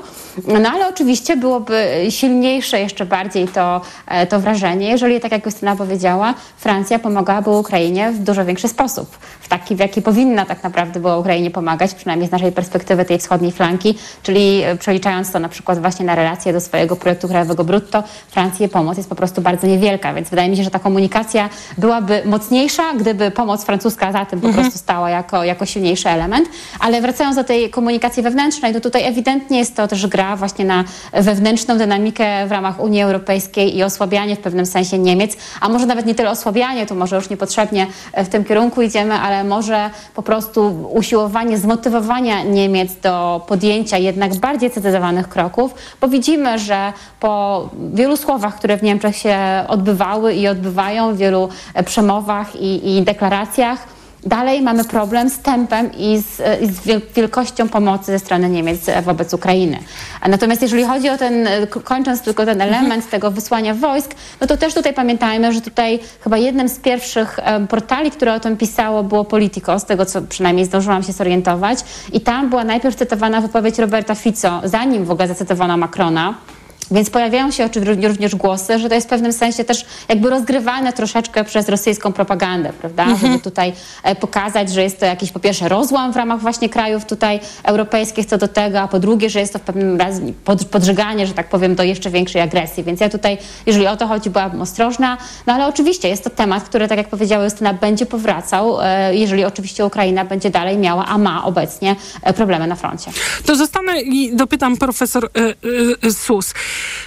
Bo z drugiej strony było takie badanie ostatniej Europejskiej Rady Spraw Zagranicznych, e, którego współautorzy Mark Leonard i e, Iwan Krastew no, zwracali uwagę na słabnące e, optymizm społeczeństw europejskich. To są społeczeństwa demokratyczne. Sugestia jest taka, że będzie coraz trudniej zmobilizować pomoc, więc sugestia jest taka, że trzeba znaleźć jakieś inne narzędzie komunikacyjne. No i tutaj Krastew sugerował, że jakoś inaczej trzeba by było zdefiniować bezpieczeństwo, e, e, zwycięstwo w tej wojnie, że być może jednak to mówienie, że nie oddamy centymetra e, ziemi, to nie jest dobra komunikacja dla Europejczyków, bo oni przestają w to wierzyć. Chodzi mi o to, czy miałam wrażenie, że być może jednak jest w Europie też zachodzą jakieś przygotowania do rozmów z Putinem. No i ta wypowiedź Macrona pokazywałaby, że nie, że jest coraz bardziej bojowo. Nie, na pewno jakieś rozmowy, że tak powiem, kuluarowe Nie, no są jasne. przygotowywane, prawda? To oczywiście o tym też e, nie wiemy i wiadomo, że to jest trzymane e, głęboko tam, gdzie powinno być, czyli właśnie w kuluarach. Natomiast wydaje mi się, że e, ja tutaj raczej czytam tą konferencję, którą Mhm. Macron zorganizował, jednak jako faktycznie próbę pokazania, że nawet w momencie, jeżeli słabnie amerykańskie poparcie dla Ukrainy, to my, Europejczycy, i to wychodzi jednak od mocarstwa e, militarnego, jakim jest Francja, również mocarstwa nuklearnego, jesteśmy w stanie pomóc Ukrainie. Więc ja jakby czytam to jako e, taki znak faktycznie, przynajmniej chęć Mhm. postawienia takiego bardzo silnego znaku, że, e, że tutaj jednak Ukrainie pomagamy. Pamiętajmy, że tam na tej konferencji, czy też Macron mówił o dwóch jeszcze takich kwestiach, które są rzadziej podejmowane, ale wydaje mi się, że one są nie mniej ważne. Macron zasygnalizował poparcie dla na przykład pomysłów Estonii, ale także Polska przecież ma takie pomysły, żeby na przykład e, wspomagać się zakupami broni poza e, terenem Tak. Unii Europejskiej, prawda? To jest też zwrot w pewnym sensie od polityki Francji, która bardzo dużą wagę przykłada do tego, żeby wspierać europejski, czytaj francuski przemysł obronny, a teraz jest jakby otwartość na to, że zaczął, zaczął liczyć się czas, prawda? I to widzimy, to jest jakby e, jeden element, a drugi element to jest wsparcie Macrona dla wyemitowania obligacji, o których też się mówi, tak zwanych Eurobonds, które miałyby wspomóc europejski przemysł obronny i wiemy, że kanclerz Scholz jest temu przeciwny, więc tutaj znowu mamy parcie Francji do tego, żeby Unia Europejska w tym konkretnym przypadku robiła więcej. To tak podsumowując ten wątek do Justyny Kotkowskiej się zwrócę. No właśnie jakby pani e, e, oceniła, czy, czy to wczorajsze spotkanie i te wszystkie wątki, o których mówiłyśmy, no pokazują determinację Europejczyków rosnącą czy słabnącą, żeby wspierać Ukrainę? Hmm.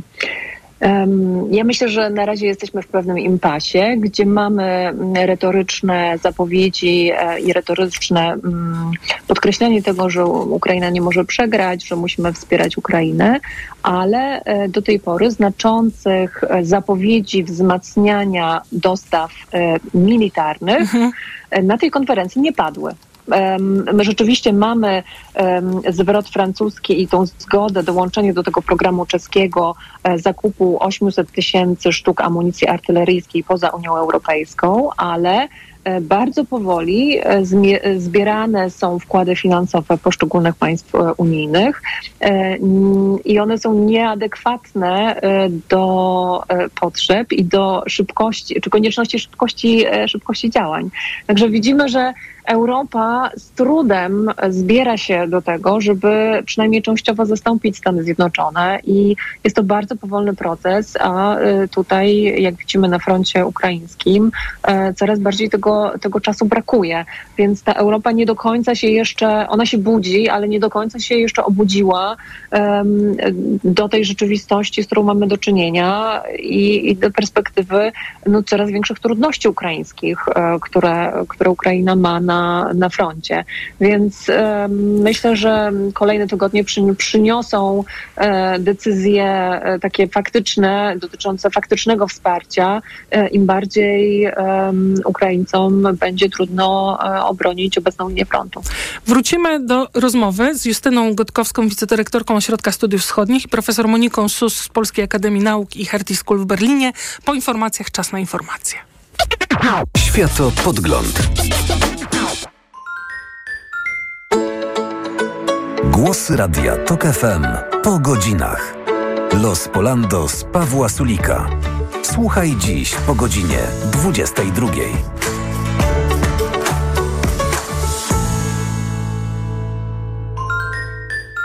Reklama.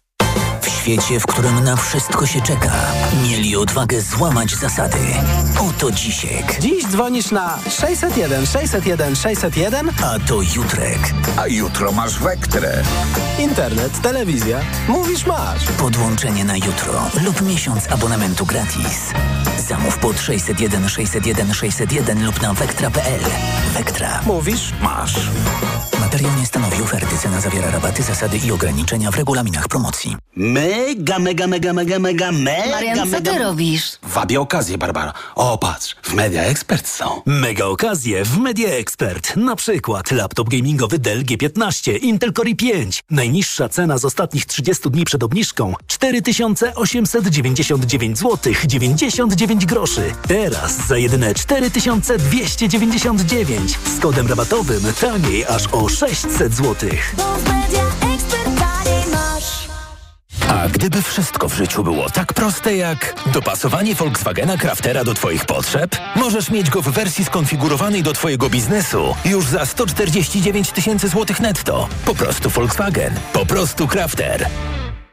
Rozsmakuj się w kulinarnych podróżach z Lidlem. Już w tym tygodniu kierunek Grecja. Sery i serki w greckim stylu już od 6,99. Chałwy Eridanus 250 gramów, różne rodzaje. Od 6,99. Tak smakuje świat. W Lidlu.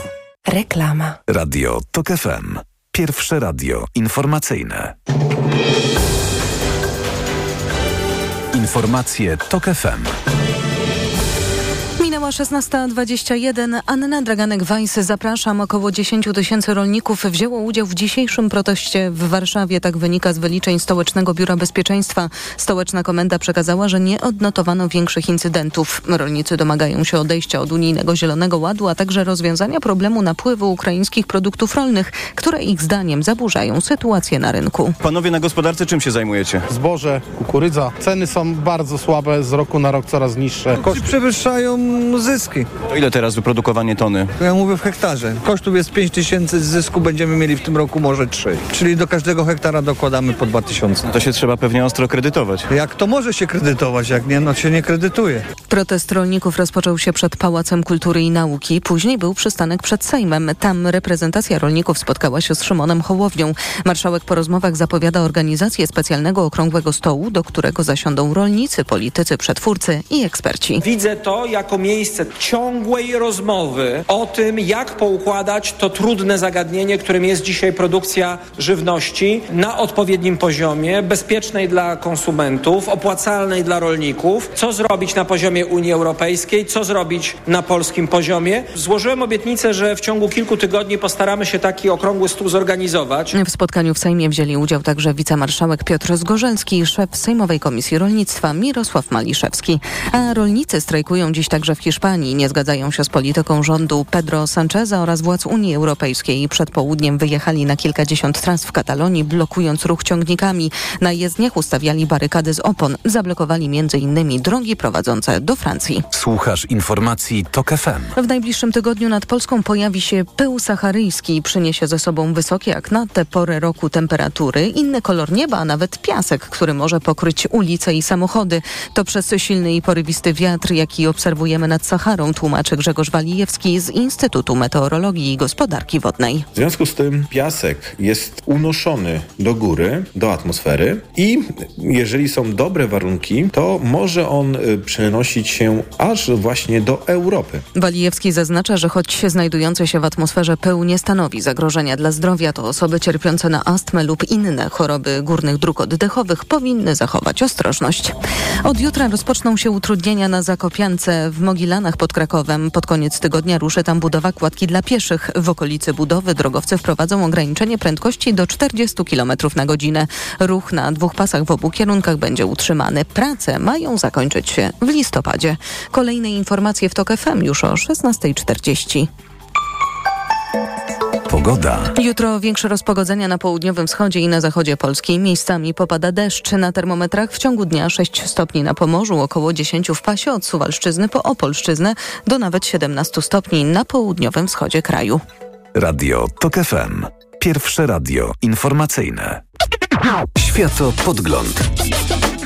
Agnieszka Lichnerowicz. Wracamy do rozmowy z Justyną Gotkowską, wiceszefową Ośrodka Studiów Wschodnich i profesor Moniką Sus z Instytutu Studiów Politycznych Polskiej Akademii Nauki Hertie School w Berlinie. Trzymamy się tych wątków dotyczących bezpieczeństwa europejskiego i rosyjskiej wojny w Ukrainie. I trwają wybory, czy cały proces, który ma prowadzić do wyboru nowego szefa NATO. Miała być kobieta, miał być ktoś z naszej części Europy, a jak mówi, jak powiedzenie głosi, wyszło jak zwykle, czyli nowym sekretarzem generalnym NATO ma zostać Mark Rutte, były premier Holandii. Tak wynika przynajmniej z tego ostatniego spotkania i z przecieków medialnych i analiz medialnych po e, ostatnim e, spotkaniu przedstawicieli NATO. No i w Polsce, w mediach, w mediach społecznościowych pojawiają się e, takie opinie, że to jest jednak mm, no niedocenianie znów zagrożenia ze strony Rosji, wybrany ktoś z państwa, które nie jest zagrożone e, tym rosyjskim atakiem, a przecież Europa jest de facto na wojnie, e, nie militarnej, ale jednak wojnie z e, Rosją. Więc pytanie do, e, może zaczęłabym od profesor Sus, jak pani ocenia te decyzje, czy jak pani postrzega te polskie mm, tutaj frustracje, nie tylko polskie, wschodnioeuropejskie? No właśnie, tutaj warto podkreślić, że to nie są tylko polskie frustracje i wydaje mi się, że te frustracje są też bardzo uzasadnione. I oczywiście prawda, prawda jest taka, i to też pani redaktor powiedziała, że po tym jak prezydent Biden wyraził niejako swoje poparcie dla, dla Marka Rutte, no to tutaj szanse stały się mniejsze, ale z tego, co ja przynajmniej słyszałam e, w Brukseli, e, gdzieś tam na ostatnich spotkaniach, to to też nie jest jeszcze tak, że wszystko jest stracone. Mhm. Jest paru mocnych kandydatów z naszej części Europy, tylko pytanie o to, jak bardzo e, kraje wschodniej flanki NATO i szerzej jakby naszego regionu, bo to nie jest też tylko wschodnia flanka NATO, a także siły w Europie Zachodniej, które być może wsparłyby kandydata e, z naszej strony tutaj Europy, się zjednoczą za tym kandydatem, prawda? I czy będziemy w stanie wyłonić kandydata, który faktycznie e, będzie miał podobną wiarygodność, podobny prestiż powiedzmy właśnie do odchodzącego premiera Danii Marka Rutte ale wydaje mi się, że na pewno warto o to zawalczyć, bo nie tylko jest to oczywiście, czy byłby to bardzo mocny sygnał e, co do tego, że całe NATO, cały sojusz bierze tutaj bezpieczeństwo wschodniej flanki absolutnie poważnie, ale także no, jeszcze nigdy w NATO nie było sekretarza generalnego z naszej części e, Europy. Więc wydaje mi się, że ta różnorodność geograficzna, e, zwłaszcza w ostatnich latach w NATO, zaczęła być też coraz bardziej podnoszona. E, mamy teraz nowe, nowe państwa członkowskie, e, Szwecję i Finlandię, które również wzmacniają jakby tą stronę NATO, więc wydaje mi się, że warto dalej o to zawalczyć. Pewnie te szanse nie są zbyt duże, ale wydaje mi się, że warto prowadzić dyskusję. To Justyna Gotkowska, to może panią dopytam, no, no, no, a z czego wynika, jak, jak pani interpretuje to determinacja jednak kilku państw, że to Rutte, no? Mhm.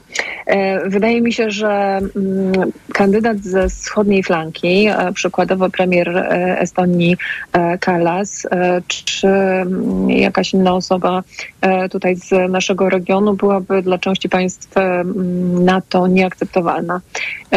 Premier Holandii Rutte został namaszczony na nowego sekretarza generalnego z dwóch powodów.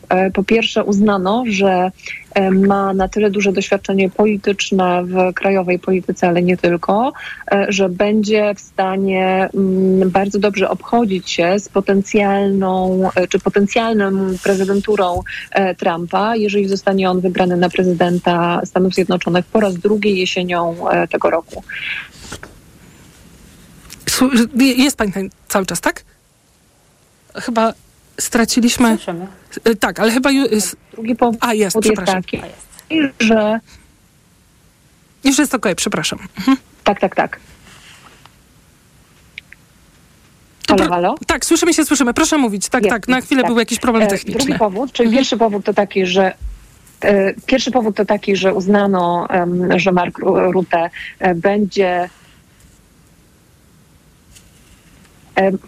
Po pierwsze uznano, że Mark Rutte będzie e, dobrym kandydatem i dobrym sekretarzem generalnym w, ewentu- w ewentualnej e, drugiej prezydenturze Trumpa i będzie w stanie rozmawiać i przekonywać e, prezydenta Trumpa do tego, że NATO jest ważne i e, w NATO Stany Zjednoczone powinny utrzymać swoje zaangażowanie. A po drugie e, z perspektywy europejskiej, czyli największych państw europejskich, takich jak Niemcy, e, Rutte e, jest e, akceptowalnym kandydatem z tego względu, że nie jest e, tak wyrazisty wobec Rosji, jak przedstawiciel wschodniej, państw ze wschodniej flanki NATO. Mark Rutte w wywiadzie dla Politico stwierdził, że mm, miał takie dwie kon- kontrowersyjne wypowiedzi. Pierwsza z nich dotyczyła mm, tego, że prędzej czy później Ukraina z Rosją będzie musiała podpisać jakieś porozumienie pokojowe w stylu em, porozumienia Mińsk 3. e, Czyli e, Mhm. podział czy, czy uznanie e, de facto aneksji, okupacji przez Rosję terytoriów, które w tej chwili okupuje i zamrożenie frontu i działań wojennych. A druga kontrowersyjna wypowiedź dotyczyła tego, że po takim porozumieniu Mińsk 3 mm, Europa, czyli NATO, będzie musiało ułożyć sobie w jakiś sposób relacje z Rosją i tą Rosję z tą Rosją dogadać się w kwestiach europejskiego bezpieczeństwa. I z, zarówno pierwsza wypowiedź, jak, jak i druga wypowiedź jest dla z naszej perspektywy nieakceptowalna, z tego względu, że NATO powinno się przygotowywać na długofalową konfrontację z Rosją. To po pierwsze. A po drugie, w stylu właśnie zamrożenia frontów, de facto akceptacji okupacji ukraińskich terytoriów, nie będzie, będzie tylko i wyłącznie tymczasowe, z tego względu, że, że zależy na mm, podporządkowaniu całej, e, całej Ukrainy. I to, że, nie, że e, Marko tego nie rozumie, pokazuje, że no nie do końca w te kwestie europejskiego bezpieczeństwa, bezpieczeństwa Ukrainy, wschodniej flanki e, jest na tyle zorientowany, na ile chcielibyśmy, żeby był. Słuchali Państwo Justyny Gotkowskiej, profesor Monika Sus jest jeszcze z nami, więc tak na koniec, bo dzisiaj dokładnie mijają też dwa lata od przemówienia kanclerza Olafa Scholza i ogłoszenia tak zwanego Zeitenwende, tych kilka dni po rocznicy ukraińskiej, czyli kilka dni po tej wielkiej wojnie rosyjskim ataku. Pozwolę sobie e, przed, e, zaproponować fragment wypowiedzi Justyny Gotkowskiej, też naszej rozmówczyni, która w krytyce politycznej, e, żebyśmy tu nie powtarzali, podsumowała to Zeitenwende wejdę, wędę, że e, rozpoczął się i utknął. I tutaj jest taka teza, że e, Urząd Kanclerski zakłada, że konflikt najlepiej jest zamrozić, bo wygrana Ukrainy mogłaby doprowadzić do podjęcia przez Rosję niebezpiecznych działań, jak na przykład użycie broni jądrowej, bądź do załamania systemu władzy w Rosji, co miałoby nieprzewidywalne skutki dla Europy. I z tego właśnie założenia wynikają wszystkie działania niemieckiego rządu i hamowanie części zmian. Czyli Ukraina nie może przegrać, mówi Scholz, no ale właśnie też e, e, lepiej, żeby ten konflikt konflikt zamrozić, niż żeby Rosja upadła albo jeszcze zdecydowała się sięgnąć e, po e, broń atomową. Stąd takie umiarkowane, bym powiedziała, działania Urzędu e, Kanclerskiego. A jak się pani do tego odniesie, albo jak sama podsumuje cały ten wędę, Monika Sus? Myślę, że to jest trafna e, konstatacja, którą Justyna tutaj poczyniła e, w tym, w tym artykule. Ja bym tylko jeszcze może zwróciła uwagę na jedną rzecz, która e, być może czasami trochę za mało się przybija do, do polskiej opinii publicznej. E, oczywiście to jest dobra konstatacja, jeżeli chodzi o urząd kanclerski i generalnie mhm. o, o, rząd Niemiec, który też jak wiemy ma swoje problemy, bo jest to rząd koalicyjny i e, tam bardzo wiele rzeczy jest w tym momencie kontestowane, e, tych rzeczy, które robi kanclerz. Natomiast jest bardzo mocny głos również w Niemczech ze strony polityków, polityków e, z innych partii, e, bardzo znanych polityków na przykład z partii CDU, czyli byłej partii Angeli Merkel, którzy bardzo krytycznie odnoszą się do tego wolnego tempa e, zmian dochodzących, do których dochodzi w Niemczech, jeżeli chodzi właśnie o politykę obrony i także takiej no, ostrożności jednak, jeżeli chodzi o na przykład wysyłanie kolejnego sprzętu na Ukrainę. Więc jakby ta debata w Niemczech trwa, ona jest bardzo zróżnicowana i oczywiście e, deklaracje rządu są tym, co my tutaj czytamy i co jest oficjalną linią polityki, dlatego musimy je komentować, ale wydaje mi się, że warto także wspomnieć o tym, że jest, e, są też inne głosy w Niemczech, które nawołują kanclerza do tego, żeby robił więcej, e, żeby robił szybciej i żeby bardziej wspierał Ukrainę. Ale oczywiście jest nad tym wszystkim na pewno duża ostrożność, choćby wynikająca z tego, że Niemcy, dla Niemiec na przykład właśnie ryzyko użycia broni masowego rażenia jest faktycznie czymś, co jest absolutnie nie do wyobrażenia. Dla wielu krajów jest, ale dla Niemiec szczególnie. I to na pewno jest też e, u podstaw tej, tej ostrożnej polityki rządu niemieckiego. Czyli rozumiem, że liczą cały czas Niemcy, to już ostatnie zdanie do, do Justyny Gotkowskiej, no właśnie na jakiś kompromis, na możliwość dogadania się z Rosją co do tego, jak konflikt ma być zamrożony.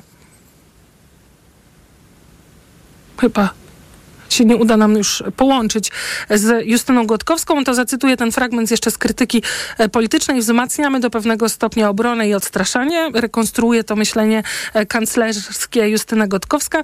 Nie dajemy Rosji wygrać tej wojny, ale z drugiej strony pozwalamy jej na ograniczone zdobycze terytorialne. Kończymy wojnę i liczymy, że kompromis się utrzyma przy częściowym odmrożeniu polityczno-gospodarczych relacji z Moskwą. Co oczywiście z perspektywy tutaj w Polsce wielu ekspertów jest nieosiągalne, ponieważ cel Rosji e, jest destabilizacja europejskiego porządku i kontrola nad Ukrainą. Bardzo dziękuję za rozmowę.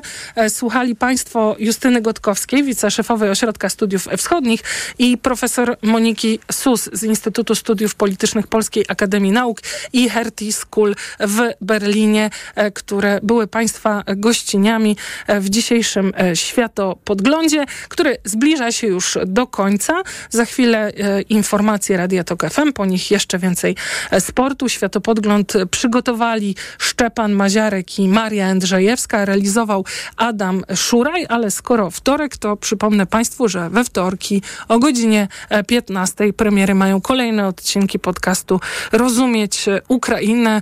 Moich rozmów z Edwinem Bendykiem na temat wydarzeń w Ukrainie, procesów i wokół Ukrainy. I w tym trzecim odcinku drugiego sezonu koncentrujemy się na stosunkach polsko-ukraińskich. Ten kryzys niestety przenika coraz bardziej do społeczeństw i rosną, spadają może tak sympatie wzajemne, co widać w sondażach. Je też omawiamy. Dostęp znajdziecie Państwo ten podcast na stronie tokfm.pl w Waszej też aplikacji. Dostęp do niego jest bezpłatny. Zachęcam do słuchania.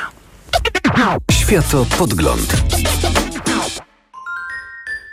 Pierwsza autostrada na świecie powstała w Stanach Zjednoczonych w 1908 roku. Drugie były Włochy, a Niemcy dopiero trzecie. Owczarek. Od poniedziałku do piątku od dziesiątej. Reklama. Nowe książki, magazyn do czytania już w sprzedaży, a w nim pięć książek Jamesa Baldwina, które warto znać, wywiad z noblistką Annie Ernaux oraz kryminały na wczesną wiosnę.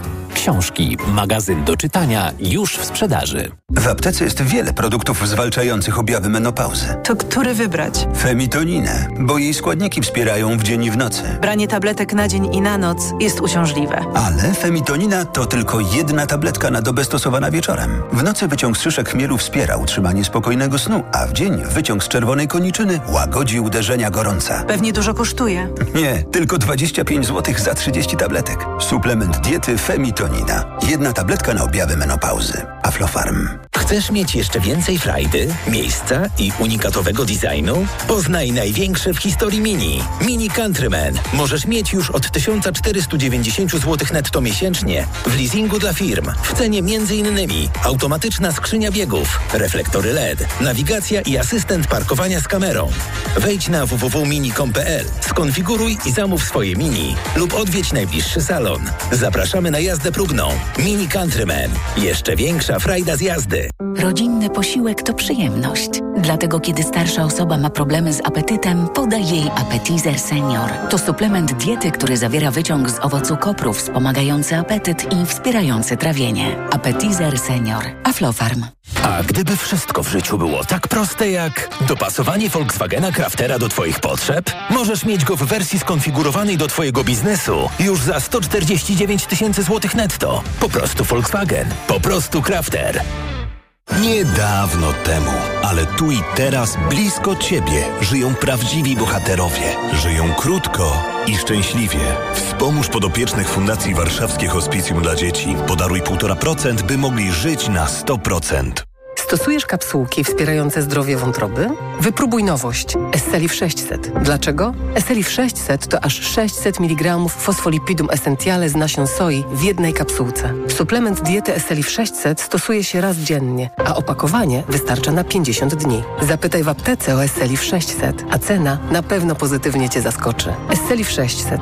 Zdrowie dla wątroby, korzyść dla portfela. Wyciąg z ostryżu długiego wspiera zachowanie zdrowej wątroby. Aflofarm. Czas na misję Plener wzywa. W Carrefourze już teraz, przed startem sezonu, meble ogrodowe i fotele wiszące z rabatem do 20% w e-kuponie na kolejne zakupy. Oferta ważna do 2 marca. Szczegóły na carrefour.pl. Carrefour. Tańsze wyjście na zakupy. Mega okazje w Media Expert, a do tego na produkty objęte promocją do 40 lat 0% i nawet do czerwca nie płacisz. RSO 0%.